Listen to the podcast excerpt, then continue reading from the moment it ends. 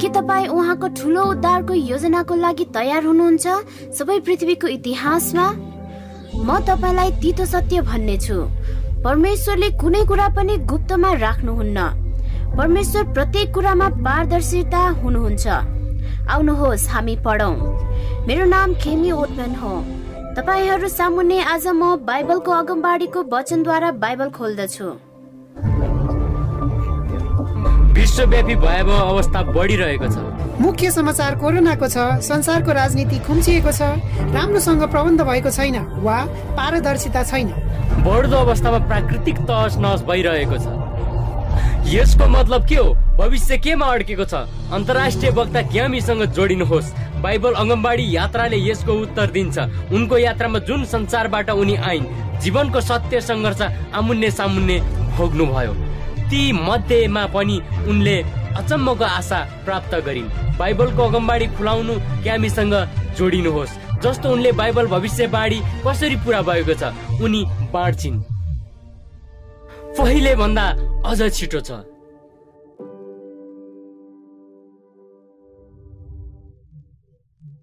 के यो अचम्म होइन? हामी सबै सँगै छौँ? हाम्रो आठवटा पाठहरू भइसक्यो। के यो तपाईँको पहिलो पटक हेरिरहनु भएको छ? यदि हो भने लिङ्कद्वारा हामी जान्नेछौँ अनि हाम्रो सबै कार्यक्रमहरू पनि पाउन सक्नुहुन्छ। एडब्लुआर अर्ग स्ल्यास बाइबल र यहाँ धेरै अरू विषय पनि दिएको छ। गएको रातमा हामीले मृत्युको विषयमा सत्यता जानेका थियौँ। बाइबल एकदम सफा छ जसलाई म प्रेम गर्दछु। के यो विचारधार आदरणीय र सहज छैन त। यसु ख्रिस्टले पचास पटक मृत्युको विषयमा भन्नुभयो के यो त्यतिकै केही समयको लागि मात्र एउटा निन्द्रा हो? उहाँले नउठाउनु जेलसम्म मात्रै हो? के तपाईँलाई थाहा छ सम्पूर्ण स्वर्गले एकैसाथ गाइरहेको हुन्छ?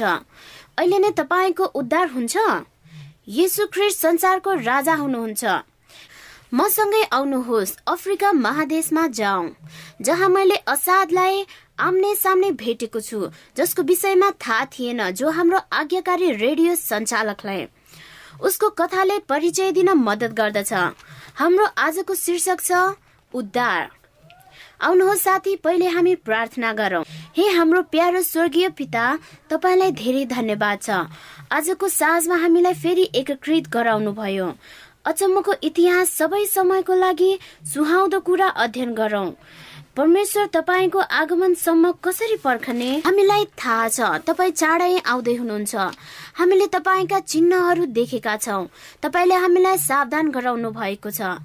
बाइबल मुताबिक सबै कुराहरू भइरहेका छन्। यीशु ख्रिस्टको शक्तिशाली नाममा। अमेन ढिलो भएका मानिसको लागि असादले दिनमा ढोका बन्द गर्थे। उसको अफिसमा एडभेन्टिस्ट वर्ल्ड रेडियोको स्टेसन थियो। ऊ त्यहाँ बारम्बार जाने गर्दथे। असर भन्ने व्यक्तिले बस लिए कुनै पनि कुरा असहज भएको थिएन किनकि यो अरू दिन जस्तै थियो। आज मात्र केही टाढा यात्रा गर्दै थिए यो समय उनी आफ्ना मातृभूमि गएका थिए। तर त्यो छोटो समयको लागि थियो। उसको देशमा धार्मिक बेला भए तापनि असारको चाहना थियो येसु ख्रिस्टलाई चिन्नु। यसैले यो उनको इच्छा थियो। तर अचानक असारले विचार गरे त्यहाँ केही समस्या छ। तीनजना मास्क लगाएका मानिसले बन्दुक देखाएर रोके। असारले आफूतिर आएको ठान्दै झस्की ऊ डराएको अवस्थामा तिनीहरूले यही हो त्यो व्यक्ति भनेर चिच्याए जसलाई हामी खोज्दै थियौं। तिनीहरूले भने तिमी रेडियोमा काम गर्छौ उसको सम्पर्क मागे। तर उसको उत्तरले उनीहरू सन्तुष्टि भएनन्। त्यसले उसलाई ठुलो रित्तो कन्टेनरमा फालिदिए। त्यहाँ हावा र घाम राम्रोसँग जाने थिएन। ऊ अध्यारोमा बस्यो। उसको मोजा जुत्ता ज्याकेट तिनीहरूले लिएर गए अनि असार नाजुक स्थितिमा पुगे। जब सूर्य दिनको तातोमा पनि कन्टेनर तातिँदै गयो तर रातिमा चिसो हुन्थ्यो। खाना र पानी नभएकोले असार छिट्टै बिरामी भए। जब ऊ अँध्यारो र एक्लै थियो त्यो कन्टेनरमा बसिरहेको थियो। उसले आफ्नो बाल्यकालको सम्झना गर्यो। उसको अगाडि ज्योति आयो। ती मानिसहरूले पनि मास्क लगाएका थिए। केही गरी त्यहाँबाट त्यो उम्क्यो। ऊ भरपूर शक्तिले भाग्यो। अँध्यारो रातमा पहिलो पटक ऊ अचम्म परिरहेको थियो। अब मलाई के हुने हो? असारको दिमागमा धेरै कुराको सम्झना भइरहेको थियो। अनि ऊ एउटा अनाथालयमा पुग्यो जसले एडभेन्टिस्ट वर्ल्ड रेडियोको परिचय भयो। तिमीहरू सबैले एकैसाथ रेडियो सुने। यदि कसैले थाहा पायो भने सजाय भोग्नु पर्ने हुन्थ्यो। तर त्यसले नै तिनीहरू सत्यको भोगी भएका थिए। जब बालगृहका सञ्चालकले त्यस दिनमा उनलाई आफ्नो अफिसमा बोलाए असार बुढो भइसकेका थिए। त्यसैले बालगृह छोड्नु पर्थ्यो। छोड्नु पर्दाको हृदय पीडा भयो किनकि उनी फर्किने छैनन्। फेरि पनि ऊ अचम्मित थियो।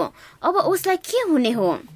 त्यही प्रश्नको बारम्बार याद आयो। बालगृहबाट निकालिएपछि एक्लो महसुस भयो अनि उसले आँखा चिम्लिएर विचार गरे। उसले कसरी एडब्लुआरसँग काम गरिएको थियो? जब असार आफ्नो देशबाट टाढा भएको थियो ऊ एडभेन्टिज रेडियो कार्यक्रम उत्पादन गर्ने व्यस्त थियो। उसको आफ्नै भाषामा आफ्नै देश र गाउँ सहरको लागि बोल्दथ्यो जहाँ इसाईहरूलाई वञ्चित गरिएको थियो। तर रेडियोद्वारा प्रभुको सन्देश त्यस ठाउँमा पुगेको थियो। जब दिन हप्ता बित्दै गए असार अचानक त्यो कन्टेनरबाट निकालिए। उसलाई खाना दिएको थिएन पिटेको थियो अनि निर्दय व्यवहार गरिएको थियो। तर अरू मानिसले भन्दा उनले धेरै नै सहेका थिए। एक दिन सूचना बिना उनको हात बाँधिएको खुल्ला भयो अनि उसलाई घर जान दिइयो। उसले त्यो समय विश्वासै गर्न सकेन। अब ऊ अज्ञात भयो। परमेश्वरलाई महिमा होस्। अनि उसले बस चढेर आफ्नो घर र परिवारसँग भेट गर्न गयो। ऊ फेरि रेडियो स्टेसन काममा फर्क्यो। असार जीवनको यो नराम्रो अनुभव भए पनि उसले विचार गर्यो। उसले परमेश्वरमा विश्वास गरेर नै कुशल राख्नु भएको थियो। जब परमेश्वरको इच्छा हुन्छ केही पनि हुँदैन वचनमा लेखिएको छ जसले हामीलाई उहाँको विश्वासमा अधिक हुन साहस प्रदान गर्दछ। धर्मशास्त्रमा भनिएको छ यदि यो बाइबलमा छ भने म विश्वास गर्छु। यदि यो बाइबलसँग मिल्दैन भने यो मेरो लागि होइन। यसु ख्रिस्टको दोस्रो आगमनको विषयमा भन्दछ। बाइबलमा पच्चिस सय पटक दोस्रो आगमनको विषयमा लेखिएको छ। सबै भविष्यवाणीहरू उत्पत्तिदेखि प्रकाशसम्म। यो संसारको इतिहास सम्बन्धी कुराहरू मिलेको छ। यो संसारमा येसुको दोस्रो आगमनलाई जनाउँदछ जो तपाईँको व्यक्तिगत उद्धारक हुनुहुन्छ। जब हामी प्रकाशको पुस्तकमा हेर्दछौ एउटै केन्द्रबिन्दु छ। त्यो हो येसु ख्रिस्ट तर कुनै अरू जन्तु होइन अथवा सातवटा टाउको भएको जन्तु नै हो। प्रकाश चौधको चौधले भन्छ अनि मैले हेरे र एउटा सेतो बादल र त्यसमाथि बस्नु भएको मानिसको पुत्र जस्तो एकजनालाई देखे। जसको शिरमा सुनको मुकुट थियो र हातमा एउटा धारिलो हँसिया थियो जबकि प्रकाशको पुस्तकले त्यसलाई जनाउँदछ। यीशु ख्रिस्टको दोस्रो आगमनलाई केन्द्रित गर्दछ। उहाँको टाउको कोट मुकुटले यो भन्दछ किनकि उहाँ राजाहरूका राजा प्रभुहरूका प्रभु भई आउनुहुन्छ। बाइबलले येसु ख्रिस्ट उहाँ परमेश्वरसँग आउनुहुन्छ भनी भन्दैन। इसाईहरूले प्रभुको आगमन अपेक्षा गरिरहेका छन्। दोस्रो आगमन भिन्नै प्रकारको हुन्छ त। बाइबलले हामीलाई कसरी प्रश्न पारेको छ? यरुसलेमका मानिसहरू अचम्मित हुनेछन् वा भएका थिए। अपेक्षा नगरिएको दुविधामा परेको बेलामा। अपेक्षा नगरिएको समयमा भयो। यसु ख्रिस्टलाई त्यस समय थोरैले मात्र स्वागत गरे। उहाँ एउटा कलिलो बालक गरिब परिवारमा जन्म लिनुभयो। दुर्भाग्यवश मानिसहरू मसिह आउने छन् भन्ने अगमबाडी प्रचार गरे। तर त्यो पहिलो आगमन थियो। उनीहरूको अपेक्षा फरक थियो। उनीहरूको अपेक्षा अनुसार रोमको शासन गर्ने राजा आउनेछन् किनकि तिनीहरू रोमको कडा शासन अधीनमा बन्देज थिए। त्यसैले यहुदीहरूका राजा आउनेछन् जसले उनीहरूको राज्य फेरि स्थापित गर्नेछन् अनि रोममा उनीहरूको साम्राज्य हुनेछ। इतिहास आफै दोहोरिरहेको छ। आज पनि धेरै इसाईहरू अपेक्षा गर्छन् यसु ख्रिस्टको दोस्रो आगमन फरक किसिमको हुनेछ। अब बाइबलले हामीलाई कसरी प्रष्ट व्याख्या गर्दछ? यसु ख्रिस्टले हामीलाई उहाँको आगमनको चिन्हहरू दिनुभएको छ जो प्रष्ट छ जसले त्यसलाई फरक पार्दछ। प्रत्येक आयातकर्ताबाट उहाँ सुनको मुकुट पहिरिएर आउनुहुन्छ। यसु ख्रिस्ट जो दोस्रो आगमनको विषयमा चित्रण गर्दछ। शक्तिशाली गौरव हुनेछ। जब हामी प्रकाशको पुस्तकमा हेर्दछौ जसले सधैँभरि स्वर्गीय सिंहासन सहितको उहाँको आगमनलाई चित्रण गर्दछ। प्रकाश उन्नाइसको एघारलाई हेरौं। मैले स्वर्ग उग्रिएको देखे त्यहाँ एउटा सेतो घोडा थियो। त्यसमाथि सवार हुने विश्वास योग्य र सत्य धार्मिकता इन्साफ गर्दै हुनुहुन्छ र युद्ध गर्दै हुनुहुन्छ। चौध। स्वर्गका सेनाहरूका स्वच्छ सेता वस्त्र पहिरे सेता घोडाहरूमा चढेर उहाँको पछि लागे। किन बाइबलले यसरी यसुलाई देखाउँदछ? सांकेतिक भाषामा उहाँ सेतो घोडामा आउनुहुन्छ किन भनेको हो? सेतो घोडाले शुद्धतालाई जनाउँदछ र विजयी महिमालाई पनि संकेत गर्दछ। जब येसु ख्रिस्ट सुनको मुकुट लगाएर आउनुहुन्छ अनि सेतो घोडा चढेर आउनुहुन्छ। उहाँ विजय राजकुमार भएर आउनुहुन्छ। कास एघारको पन्ध्र। संसारका राजा संसारिक राज्यहरू सबै परमेश्वरको राज्य हुनेछ। परमप्रभुको राज्य सदा रहनेछ। सदा सर्वदा उहाँको राज्य हुनेछ। यीशु ख्रिस्ट आएपछि त्यो महान विवाद सधैँ समाप्त हुनेछ। त्यहाँ दुईवटा अति महत्वपूर्ण प्रश्नहरू छन्। त्यसबारे धेरैले सोधेका छन्। उहाँको आगमनमा। नम्बर एक यीशु ख्रिस्ट कसरी आउनुहुनेछ? दोस्रो नम्बरमा म कसरी भन्न सक्छु? त्यसको लागि म तयारी छु। लुकास सत्रको तेइस। मानिसहरूले तिमीहरूलाई भन्नेछन् हेर ऊ यहाँ छ अथवा त्यहाँ छ तर तिमीहरू नजाऊ र तिनीहरूका पछि नलाग। अर्को शब्दमा यदि कसैले भन्दछन् भने हेर यीशु ख्रिस्ट आज यहाँ आउँदै हुनुहुन्छ टोकियो सहरमा। केही जाऊ अथवा न्युयोर्क सहरमा अथवा कुनै एउटा मन्दिरको भित्री कोठामा छन्। भन्दछन् भने वा कुनै एउटा धार्मिक स्थानमा छन् वा अहिले नै सबै मानिसहरू भेला भइरहेका छन्। पृथ्वीको कुनै स्थान वा मरुभूमिमा छन् भन्दछन् भने हामीलाई थाहा छ।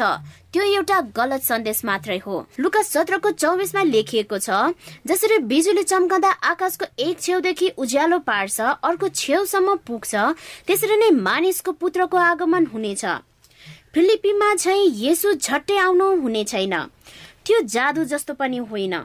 हाम्रो येसु प्रभु कुनै एक सहरको बाटोमा आउनुहुन्न वा संसारको कुनै स्थानमा। अनि येसु ख्रिस्ट मनै मसी हो भने बोध गर्नुहुन्न। म मसिह हुँ भन्दै हिँड्नुहुन्न।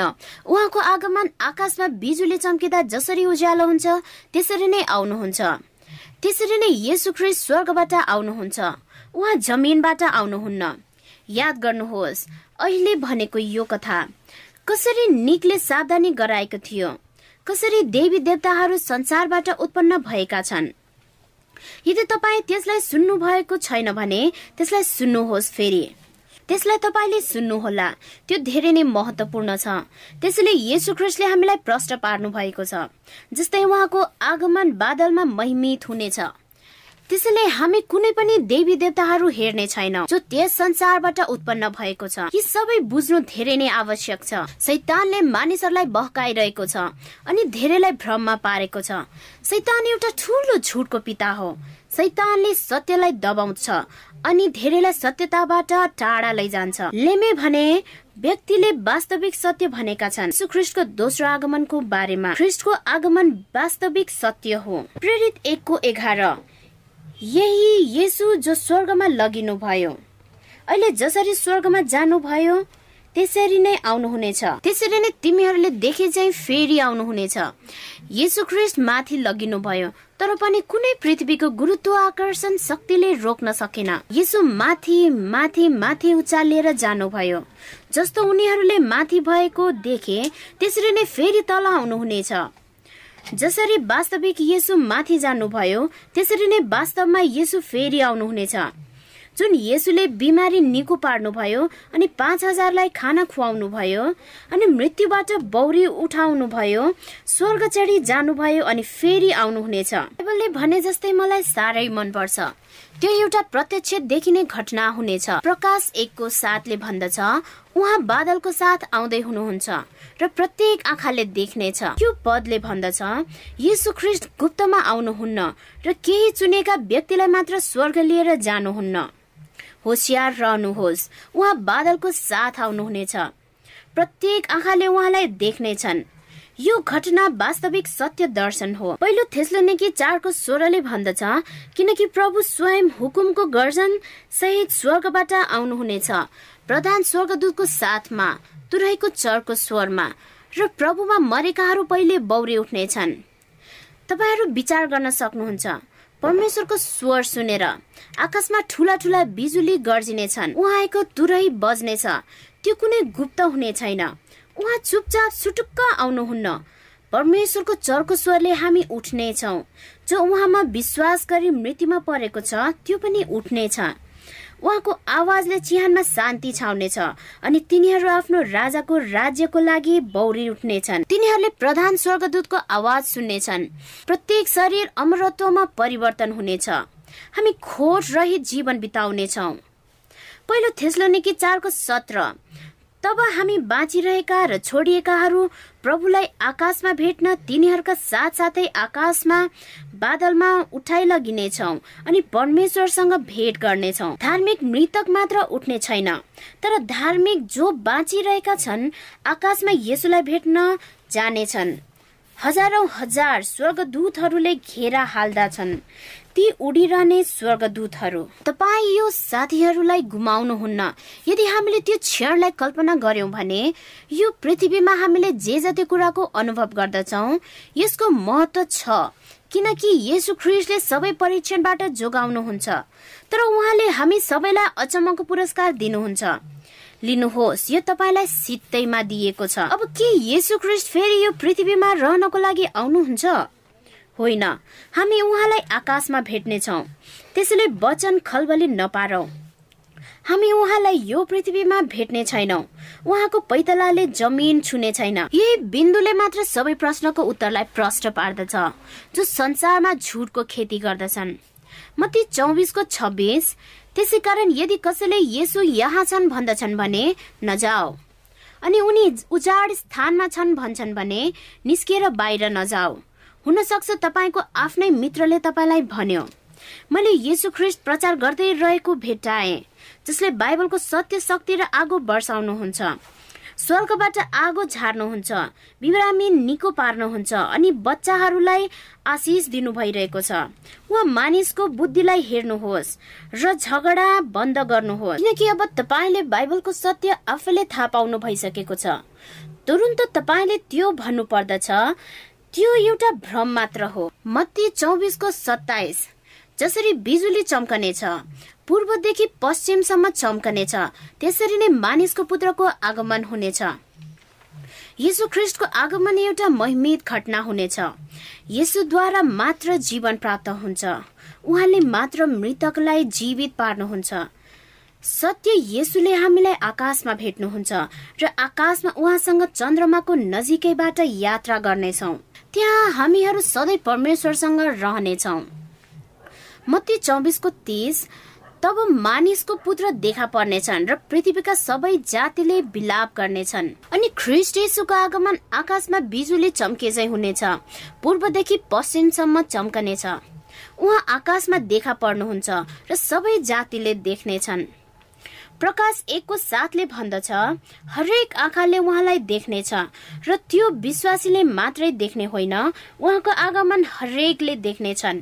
तर जसले उहाँलाई तिरस्कार गरे तिनीहरूले पनि देख्नेछन्। यो परमेश्वरको जस्तै चरित्र भएकाहरूलाई एउटा पहिलो मौका हुनेछ उचित संगत गर्न। सबैले देख्नेछन् र सुन्नेछन्। बाइबलबाट लिएको सत्य पूरा हुनेछ। सबैको आँखाको सामुन्ने पूरा हुनेछ। र जब प्रभु येसु आउनुहुन्छ त्यस समय दुई जातिहरू मात्र हुनेछन्। बचाइएको मानिस र नबचाइएको मानिस। प्रभु येसुको दोस्रो आगमन पछि फेरि कहिले पनि दोस्रो मौका पाउने छैन। यसले पृथ्वीको इतिहासलाई दर्शाउँदछ। यसैले यसु वास्तविकमै आउनुहुन्छ। प्रत्येकले देख्ने गरे महिमाको ठुलो तुरैको आवाजमा उहाँ आउनुहुन्छ। त्यसले के हुने भन्ने प्रश्न आउने छैन। संसारले यसको गवाई दिनेछन्। मानव इतिहासमा यो एउटा घटना हुनेछ। पहिलो कोरन्ती पन्ध्रको एकाउन्नदेखि बाहन्नले भन्दछ म तिमीहरूलाई एउटा रहस्य भन्दछु। हामी सबै सुत्दैनौ तर हामी सबैको परिवर्तन हुनेछ। एकै क्षणमा आँखाको एक निमेषमा तुरैको आखिरी आवाजमा। किनभने तुरै बज्नेछ र मृतकहरू अविनाशी भएर जीवित हुनेछन्। अविनाशी भई उठ्नेछौ कि हामी यो सोच्न सक्छौ? पृथ्वी परमेश्वरको महिमाले भरिनेछ अनि जमिन काँप्नेछ र महलहरू हल्लिनेछन् अनि धर्मी विश्वासीहरू पृथ्वीबाट उठ्नेछन्। यसले फेरि हामीलाई भन्दछ सबै मृतकहरू स्वर्गमा छैनन्। हाम्रो शरीर अब पापमा हुँदैन। त्यहाँ कोही पनि बहिरो हुँदैन। त्यहाँ अन्धो लुला लङ्गडा हुने छैनन् अनि कुनै बिरामी रोग हुँदैन। हामी विश्वासीहरू माथि हेर्नेछौ ताकि हामी हाम्रो प्रभुलाई देख्न सकियोस् अनि उहाँसँग भेट हुन सकोस्। के तपाईँ त्यो समय याद गर्न सक्नुहुन्छ? जब तपाईँको आँखाले पहिलो पटक यसुलाई भेट गर्नेछ मलाई आशा छ आँखाभरि आँसु लिएर म भेट गर्न सक्छु होला। यो स्वर्गमा एउटा अचम्मको क्षण हुनेछ। त्यस समय यो हाम्रो क्षणिक शरीरले जो रोग मृत्युको सामना गर्दछ अमर जीवन प्राप्त गर्नेछ। तुरन्तै हामीहरू परिवर्तन हुनेछौँ। हाम्रो प्रत्येक कोशिकाले नयाँ जीवन प्राप्त गर्दछ। हामी खुसी र सुस्वास्थ्य उपभोग गर्दछौँ। जब येसु ख्रिस्ट आउँदै हुनुहुने हामी मिठो सङ्गीतसित उहाँको महिमाको भजन गाउनेछौँ। किनकि हाम्रो यो शरीर परिवर्तन हुनेछ र हामी फेरि रोगमुक्त शरीर धारण गर्नेछौँ। प्रकाश पन्ध्रको तिनले भन्दछ परमेश्वरको कार्य महान र आश्चर्यपूर्ण छन् सर्वशक्तिमान परम प्रभु।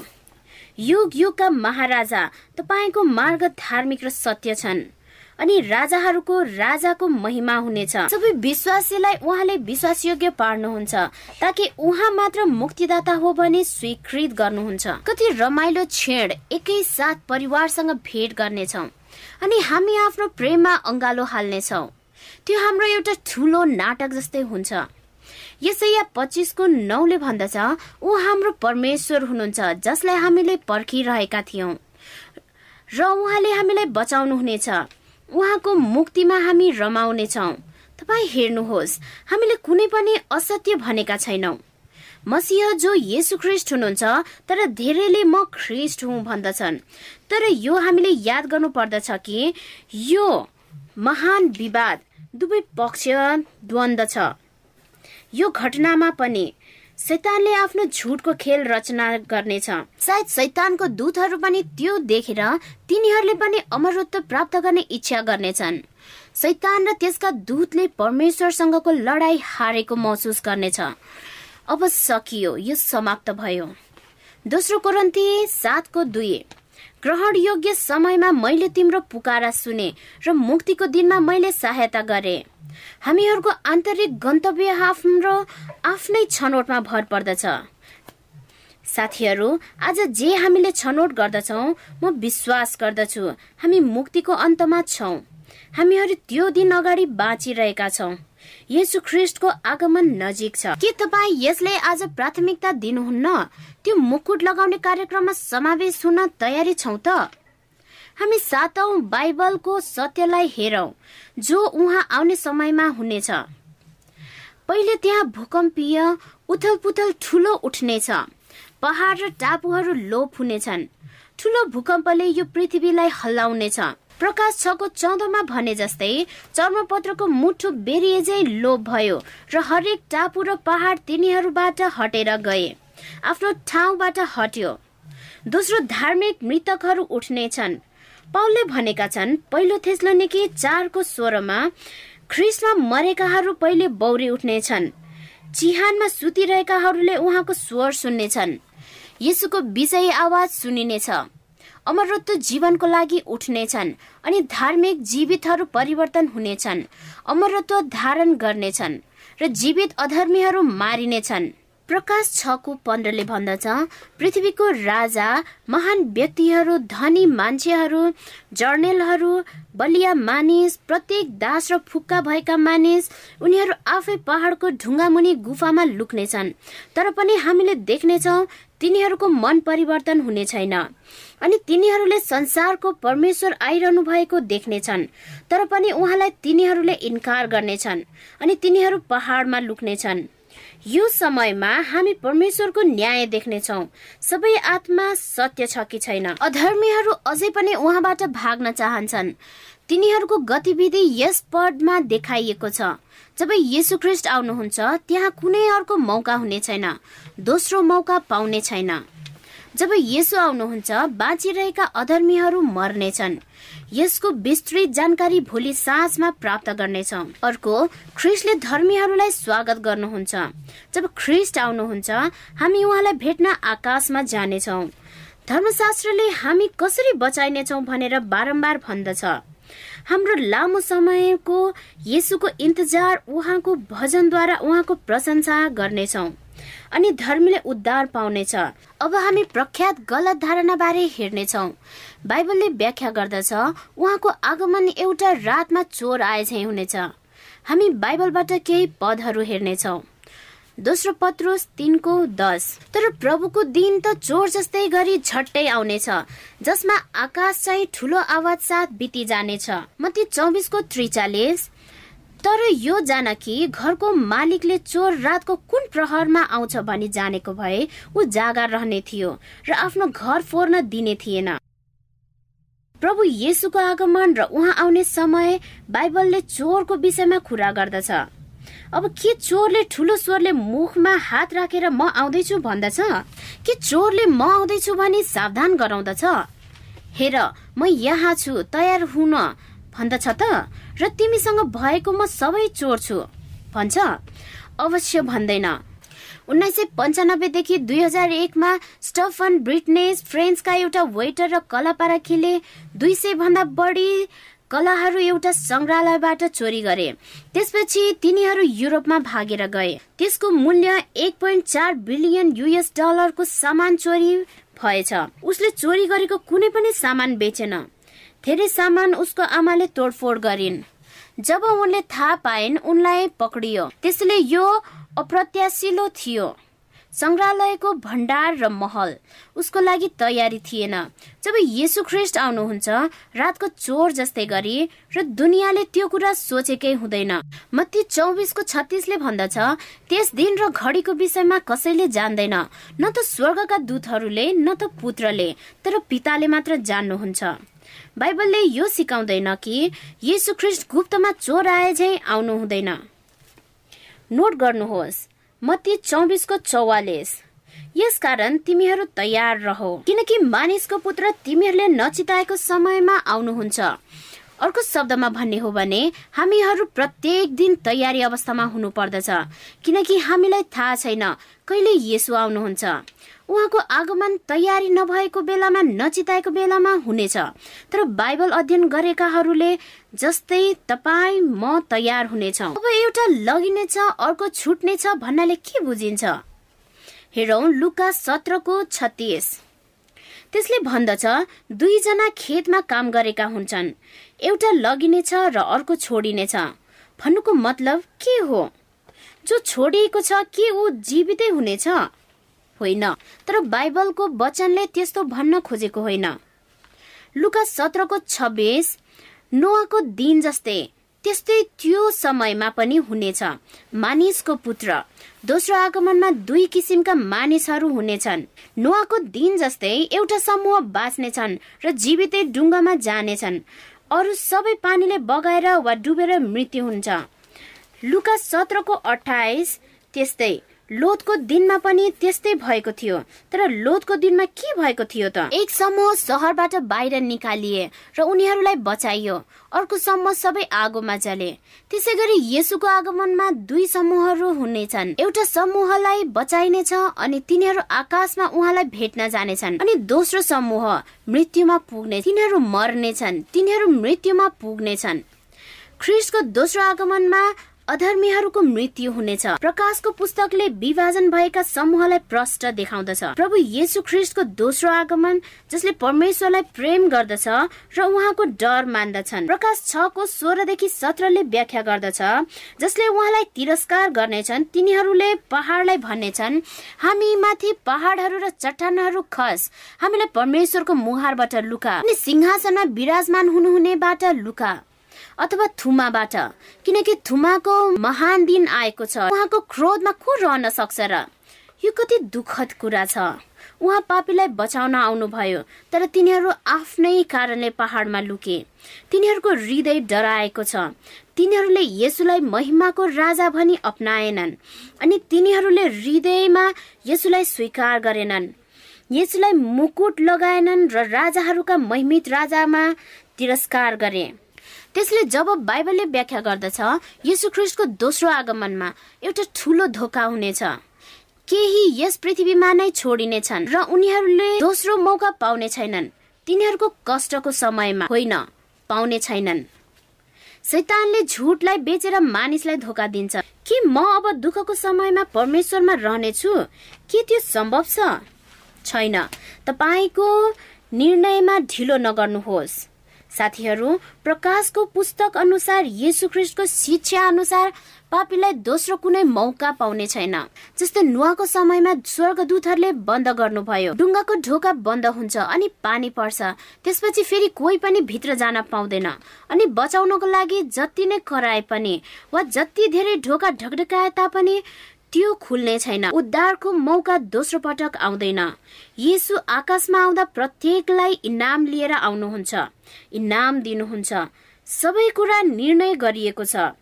तपाईँमाथि हेरेर उहाँ अब अहिलेदेखि भन्न सक्नुहुन्न। उहाँमा विश्वास गरेर रहनेछु। त्यस समय ढिलो हुनेछ।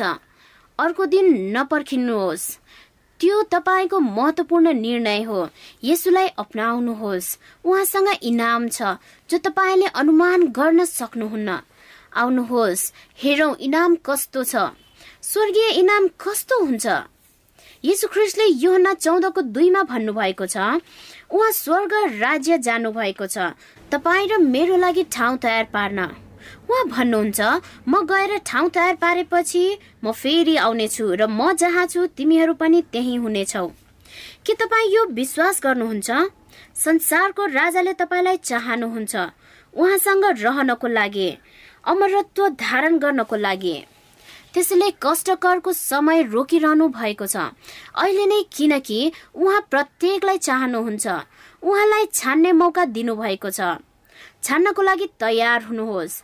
दोस्रो आगमनमा स्वर्गलाई छान्नुहोस्। हेर्नुहोस् यीशु ख्रिस्ट फेरि अर्को एउटा आत्माको चाहना गर्नुहुन्छ। अर्को एउटा मात्र यसले मलाई डेस्मोन डासको सत्य उद्धारको कथालाई याद गराउँदछ। सेभेन डे एडभेन्टिस्टहरू बहादुरीका साथ उभिएका छन्। परमेश्वरको लागि र उहाँको विश्वासमा ऊ ओकिनावामा थियो जब त्यहाँ लडाई भएको थियो। दोस्रो विश्व युद्ध थियो अनि उसले पचहत्तर व्यक्तिलाई बचायो किनकि उसले परमेश्वरको नाममा बन्दुक चलाएन। एउटा आर्मी भएर शत्रुहरू घायल भएकोमा उसले उनीहरूको उद्धार गर्यो। उसले बहादुरीका साथ बन्दुक चलाएन। जब सबै सतर्कमा थिए र उसलाई ग्रेनाइटद्वारा चोट लाग्यो तर परमेश्वरले उसको जीवन रक्षा गर्नुभयो। डेसमोड परमेश्वरमा आज्ञाकारी र गवाई दिन्थे। सारा संसारमा नै उसलाई परमेश्वरले अगुवाई गर्नुभयो। अरू धेरैलाई उद्धार गर्नेको लागि परमेश्वरले उसलाई एउटा नैतिक हिरोको रूपमा चुन्नुभयो। डेस्मोन दास जस्तै। आउनुहोस् हामी सबै प्रार्थना गरौँ। डेस्मोनको प्रार्थना हामीलाई मन पर्यो। कृपा गरी परमेश्वर मलाई एउटा आत्मा दिनुहोस् जो स्वर्गमा जान सकोस्। किनकि स्वर्ग एउटा परमेश्वरद्वारा दिएको पुरस्कार हो। म परमेश्वरसँग रहन चाहन्छु जहाँ भए तापनि। जबसम्म म परमेश्वरसँग रहनेछु परमेश्वरले स्वर्गको झलक दिनुभएको छ। आओ हामी सबै एकसाथ त्यहाँ जाउँ जब हामी प्रकाशको पुस्तक एक्काइस बाइस अध्याय हेर्नेछौँ हामीलाई अचम्म लाग्दछ जब हामी उहाँलाई भेट्न उठ्नेछौँ। आकाशमा जानेछ। हाम्रो आँखाले स्वर्ग देख्नेछ। त्यो हाम्रो पहिलो अवसर हुनेछ। जसमा विभिन्न धातुले बनेका बाह्रवटा गेट हुनेछन्। बाह्रवटा जग बहुमूल्य पत्थरले बनेका हुन्छन्। सुनको सडक हुनेछ जो हामीले सपनामा मात्र देखेका थियौँ। अब हामीले हाम्रो प्रत्यक्ष आँखाले देख्नेछौँ। हामी ज्योतिले घेरिनेछौँ। उहाँको महिमाको लागि ज्योतिद्वारा। यो पदले भन्दछ त्यहाँ सूर्य चन्द्र हुँदैन। परमेश्वरको महिमाले सबै उज्यालो हुनेछ। अर्को हामी जीवनको नदीतर्फ जानेछौँ जो परमेश्वरको सिंहासनबाट बग्नेछ। किनकि हामीले जीवनको वृक्ष देख्नेछौँ। जीवनको वृक्षद्वारा बाह्र महिनामा बाह्र किसिमका फलफुलहरू फलाउनेछ जसबाट फल खाँदा अमर जीवन प्राप्त हुनेछ। अनि यस रुखले बाह्रै महिना विभिन्न फल दिन्छ। अनि हाम्रो आँखा र दिमाग यताउता हुने छैन। परमेश्वरको त्यो स्वर्ग धेरै ठुलो हुन्छ। त्यो स्वर्ग वर्ग आकारको हुनेछ। सबैको लागि पर्याप्त ठाउँहरू हुनेछन्। परमेश्वरले विस्तृत अनि सुन्दर तरिकाले तयारी गर्नुभएको छ। जस्तै हाम्रो नयाँ शरीर साह्रै राम्रो भए जस्तो। सबै हामी अमर र खोट नभएको शरीर धारणा गर्नेछौँ। हामी हाम्रो सृष्टिकर्ता येसु ख्रिस्ट जस्तै हुनेछौँ। जस्तो दिन महिनाहरू बिति जान्छ छन् सुन्दर हुनेछौँ। र त्यहाँ कुनै दुःख र रोग हुने छैन। डर र आँसु पनि हुने छैन। हामी त्यहाँ आनन्द र शान्तिले पूर्ण हुनेछौँ अनि सबै हाम्रो सामु हुन्छ र जो हामीले त्यो एक अर्कोसँग बाँड्नेछौँ सबै विश्वासीहरूसँग सधैँभरि रहनेछौँ एक साथ आमुन्ने सामुन्ने खडा हुनेछौँ अनि हामीले हाम्रो परमेश्वरको महिमा गर्नेछौँ साथीहरू म त्यही समयको बारेमा विचार गरी सोचिरहेकी छु। अब विश्वासी बनाउने समय होइन। हामी केही पदहरू सँगै पढ्नेछौँ। त्यसपछि तपाईँसँग सबै सुन्दर प्रतिज्ञाहरू हुनेछन् जसले स्वर्गको विषयमा व्याख्या गर्दछ। हामी वचनहरूद्वारा हेर्नेछौँ। प्रकाश एक्काइसको एक्काइसले भन्छ ती बाह्र ढोकामा चाहिँ बाह्र मोतीका थिए। प्रत्येक ढोका मोतीको थियो। त्यस सहरको सडक चकिलो सिसा जस्तै निखुर सुनको थियो। सिसा जस्तै थियो। के तपाईँलाई थाहा छ मोतीहरू धेरै दुःख गरी उत्पादन हुन्छ? त्यो सानो कोड उत्पन्न गर्न जो धेरै भित्री भागमा पाइन्छ जस्तै सानो जीवले दुःख पाउँछ। अनि त्यो दुःख खुसीमा परिवर्तन हुन्छ। स्वर्गको ढोका मोतीको हुनेछ। ख्रिस्टमा जस्तै परमेश्वरले असीमित व्यक्तिगत कष्टहरूमा सबै कुरा प्रदान गर्नुभयो जुन सबै चिजलाई ख्रिस्टमा मिलाप गर्दछ। प्रकाश एक्काइसको उन्नाइसदेखि बिस। पर्खालका जगहरू अनेक किसिमका बहुमूल्य रत्नहरूले जडिएका थिए। पहिलो जग बिल्लौरको। दोस्रो निर। तेस्रो हरित रत्न। चौथो पन्ना। पाँचौं अनेक्स। छैटौं लालमणि सातौं पितमणि आठौं बेरुज नवौं पुष्पराज दसौं लसुने एघारौं निलमणि र बाह्रौं कलेटाको थियो। परमेश्वरले सबै उत्कृष्ट धातुको प्रयोग गर्नु भएको छ। त्यो सबै स्वर्गको भवनमा र त्यस सहरमा। यदि यसलाई एकमाथि अर्को चाङ लगायो भने त्यहाँ एउटा सुन्दर इन्द्रेणी देखिन्छ। कि हाम्रो सृष्टिकर्ता कलावान हुनुहुन्छ? इन्द्रनीले पवित्र सहरको प्रतिज्ञा र त्यसको जगलाई संकेत गर्दछ। प्रकाश बाइसको पाँच त्यहाँ फेरि रात हुने छैन। बत्ती वा घामको उज्यालो चाहिने छैन। किनकि परमप्रभु परमेश्वर नै तिनीहरूको ज्योति हुनुहुनेछ र तिनीहरूले सदा सर्वदै राज्य गर्नेछन्। प्रकाश बाइसको एकदेखि दुई तर तिनले मलाई स्फटिक जस्तो चहकिलो जीवनको पानीको नदी देखाए। त्यो नदी कञ्चन सफा थियो। परमेश्वरको र थुमाको सिंहासनबाट निस्किए। सहरका सडकको बीचबाट बगिरहेको थियो। त्यस नदीको किनारामा जीवनको वृक्ष थियो जसले हरेक महिना बाह्र किसिमका फल फलाउँदथ्यो। प्रत्येक महिना फल दिन्थ्यो। त्यसका पातहरू चाहिँ जाति जातिहरूलाई निको पार्नेको निम्ति थियो। सबै जातिहरूका लागि थियो। पहिले हामी हेर्नेछौ कसरी जीवनको वृक्ष लगाइएको थियो। खोलाको किनारमा थियो। त्यो रुख कस्तो थियो होला? जसको पात र फलले अमर जीवन दिन्थ्यो अनि परमेश्वरले मानिसलाई सदा सर्वदा जवान बनाउनुहुन्थ्यो। उत्पत्ति तिनको बाइस। तिनीहरूले जीवनको वृक्षबाट खालान् र सधैँभरि जीवित रहलान्। परमेश्वरले हामीलाई सदा सर्वदा उहाँसँग रहन बनाउनु भएको हो। पवित्र सहर उहाँको एउटा कलाको सपना हो। प्रकाश एक्काइसको सोह्रले व्याख्या गर्दछ सहर मोतीमाथि बसालिएको छ। यसको लम्बाइ चौडाइ उचाइ बराबरको थियो। त्यसको पर्खालको नाप लिए पैसठी मिटर थियो। त्यसको लम्बाइ चौडाइ बराबर थियो। त्यो सहरको नाप भयो र पर्खाल पनि नापे। पैसठी मिटर थियो। पन्ध्र सय माइल अनि वर्ग आकार थियो। पर्खाल चाहिँ तिन सय पचहत्तर माइल लामो हुन्छ र यो वर्ग आकारको हुनेछ। यसको लम्बाइ चौडाइ सबै बराबरी हुनेछ। सबै लम्बाइ उचाइ चौडाइ बराबरी हुनेछ। तिन सय पचहत्तर माइल उचाइ र चौडाइ हुनेछ। एक लाख चालिस हजार छ सय पच्चिस स्क्वायर माइल जो धेरै इलाका हो। यहाँ युएसएमा हामीले विचार गर्यौं भने एउटा भर्जिनिया भन्ने सहर जस्तै ठुलो हुन आउँछ। कोलम्बिया वा पेन्सिल्भेनियाको प्रान्त जत्तिकै ठुलो हो। जसमा मेरिल्यान्ड न्यू जर्सी रोडेको टापु र भेमार्ट सबै एकसाथ मिलाए जत्तिकै ठुलो हुन्छ। अनुमानित उनाचालिस बिलियन मानिसहरू त्यस सहरमा अट्नेछन् संसारमा सात पोइन्ट आठ बिलियन मानिसहरू मात्रै छन् तर योभन्दा पाँच गुणा धेरै मानिस त्यहाँ अट्नेछन् र त्यहाँ कुनै अप्ठ्यारो हुने छैन। वाओ! धेरै राम्रो। अब म धेरै समय पर्खन सक्दिन। पहिलो कुरन्ती पन्ध्रको त्रिपन्न। किनकि यस विनाशी स्वभावले अविनाशी र यस मरणशील शरीरले अमरत्व धारण गर्नुपर्छ। आकाश एक्काइसको चारले भन्छ परमेश्वरले तिमीहरूका आँखाको आँसु पूर्ण रूपले पुछिदिनुहुनेछ र फेरि मृत्यु नै हुने छैन र शोक र पीडा पनि हुने छैन। किनकि पहिलेका कुराहरू बितिसकेका छन्। यसैया चालिसको एकतिस तर जो परमेश्वरलाई पर्खन्छ तिनीहरूका बल फेरि नयाँ हुनेछ। तिनीहरू गरुड चाहिँ माथि माथि उड्नेछन् र दगुरेर पनि तिनीहरू थाक्ने छैनन्। त्यसै गरी सबैको योग्यता विकास हुन्छ। सबैको क्षमता बढ्नेछ। बुद्धिको कमीले कुनै पनि चिन्ता हुँदैन वा कुनै निराशा नै पैदा हुँदैन। यो पदले हामीहरूलाई भन्दछ स्वर्गको बारेमा जान। जो यहाँ छ जो हामीलाई थाहा छ त्यो एउटा हाम्रो केही कुरो मात्र हो। पहिलो कोरन्ती दुईको नौ।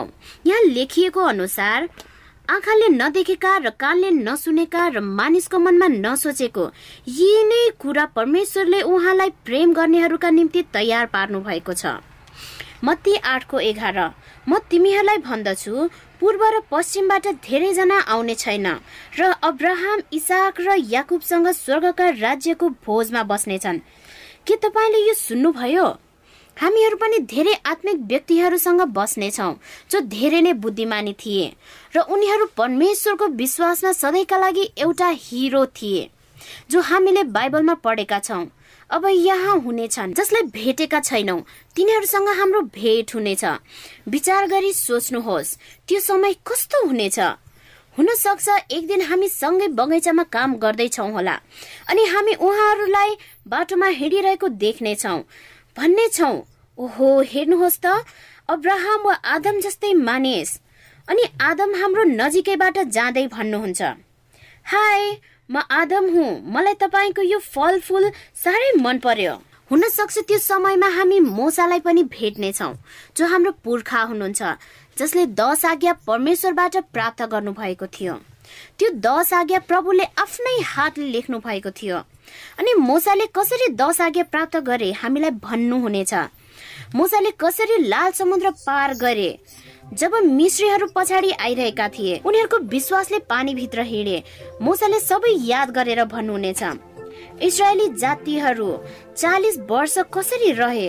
हुन सक्छ दानियल सिंहको खोरमा कसरी प्रार्थनाद्वारा सिंहसँग कुरा गरे। दानियलको सिंहको खोरमा हुँदा त्यो अनुभव हामी सुन्नेछौ। जो ख्रिस्ट हुनुहुन्छ हाम्रो पापको खातिर उहाँ मर्नु भयो जसको हातमा किला ठोकियो अनि लछारियो त्यो सबै हाम्रो लागि थियो।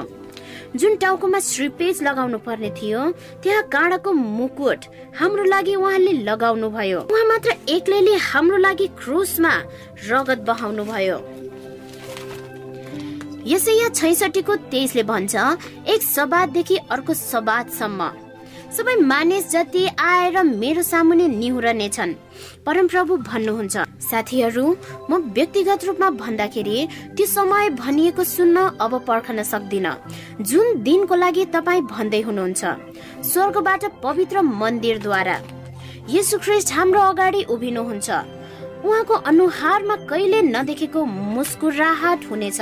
जब उहाँले तपाईँलाई हेर्नुहुन्छ हात उचालेर भन्नुहुन्छ म तिमीलाई मसँग हिँडाउने छु हामी फेरि खेतबारी भएर जानेछौ। अनि येसु ख्रिस्टले कुनै बाली टिप्नुहुन्छ अनि भन्नुहुन्छ यसलाई चाख। अनि सँगसँगै हामी पहाडहरूमा हिँड्नेछौ। हेर त कलेजी गुलाबी रातो र निलो यो जस्तो अरू जग्गा नै छैन।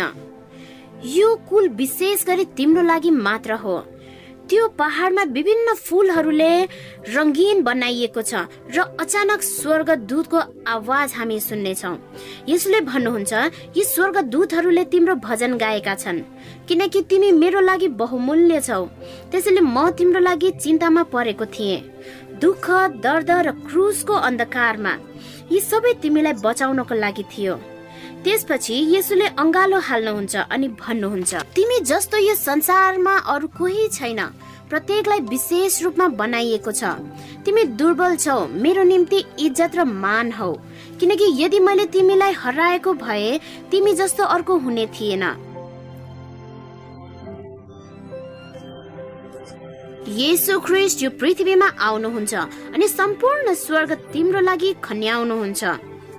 परमेश्वरको उद्धार हाम्रो भन्दा धेरै फरक छ जो हामीले पहिले महसुस गरेका थिएनौँ।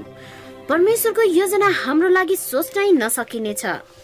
के त्यहाँ केही छ वा कोही छ जसले येसु ख्रिस्टको दोस्रो आगमनको लागि तयार हुनको लागि तपाईँलाई दिँदैन? अहिले नै प्रभु येसु ख्रिस्ट तपाईँको लागि तयार गर्दै हुनुहुन्छ ताकि हामी उहाँसँग स्वर्गमा रहनेछौँ। के तपाईँ आफ्नो जीवन प्रभुमा अर्पनु हुनेछ? अनि तपाईँको त्यो महान योजना के तपाईँ त्यसलाई आफ्नो जीवनमा लागू गर्नुहुन्छ? साथीहरू आउनुहोस्। हामी सँगै प्रार्थना गरौँ। हे हाम्रो स्वर्गीय पिता आज म तपाईँसँग केही कुरा माग्दछु। त्यो हो म तपाईँको स्वर्गीय घरमा बास गर्न पाऊ। सबै समय अमर जीवन भरि नै। प्रभु तपाईँलाई थाहा छ प्रत्येक व्यक्तिको मन जसले तपाईँलाई सुनेका छन्। अहिले नै म पनि तपाईँसँग स्वर्गमा रहन चाहन्छु। प्रत्येक दिन हामीलाई असल कुरा ग्रहण गर्न सिकाउनुहोस्। हामीलाई तपाईँमा डोर्याउनुहोस्। म परमप्रभु शक्तिशाली जीवित महिमित येसुको नाममा माग्दछु। अमेन साथीहरू म तपाईँहरूलाई हामीसँग जोडिन आग्रह गर्दछु। कुरा गर्न अथवा दिएको ठेगानामा सम्पर्क गर्नुहोस् ताकि तपाईँको मनमा उठेका बाइबलका प्रश्नको उत्तर दिन सकियोस्। के तपाईँ खुसी हुनुहुन्छ? यीशु ख्रिस्ट दोस्रो पटक आउँदै हुनुहुन्छ? तपाईँ मलाई अनि प्रत्येक उहाँका जनहरूलाई उद्धार गर्न यदि तपाईँ यो निर्णय लिन चाहनुहुन्छ भने तपाईँको पनि इच्छा छ भने तल दिएको ठेगानामा सम्पर्क गर्नुहोला। त्यसको शीर्षक छ भग्न बसेसहरूबाट अथवा उजाड। बाइबलको वचन अगमबाडी खोल्नको लागि फेरि हामीसँग जोडिनुहोला। परमेश्वरको मार्ग चुन्नुहोस्। शुभ रात्रि।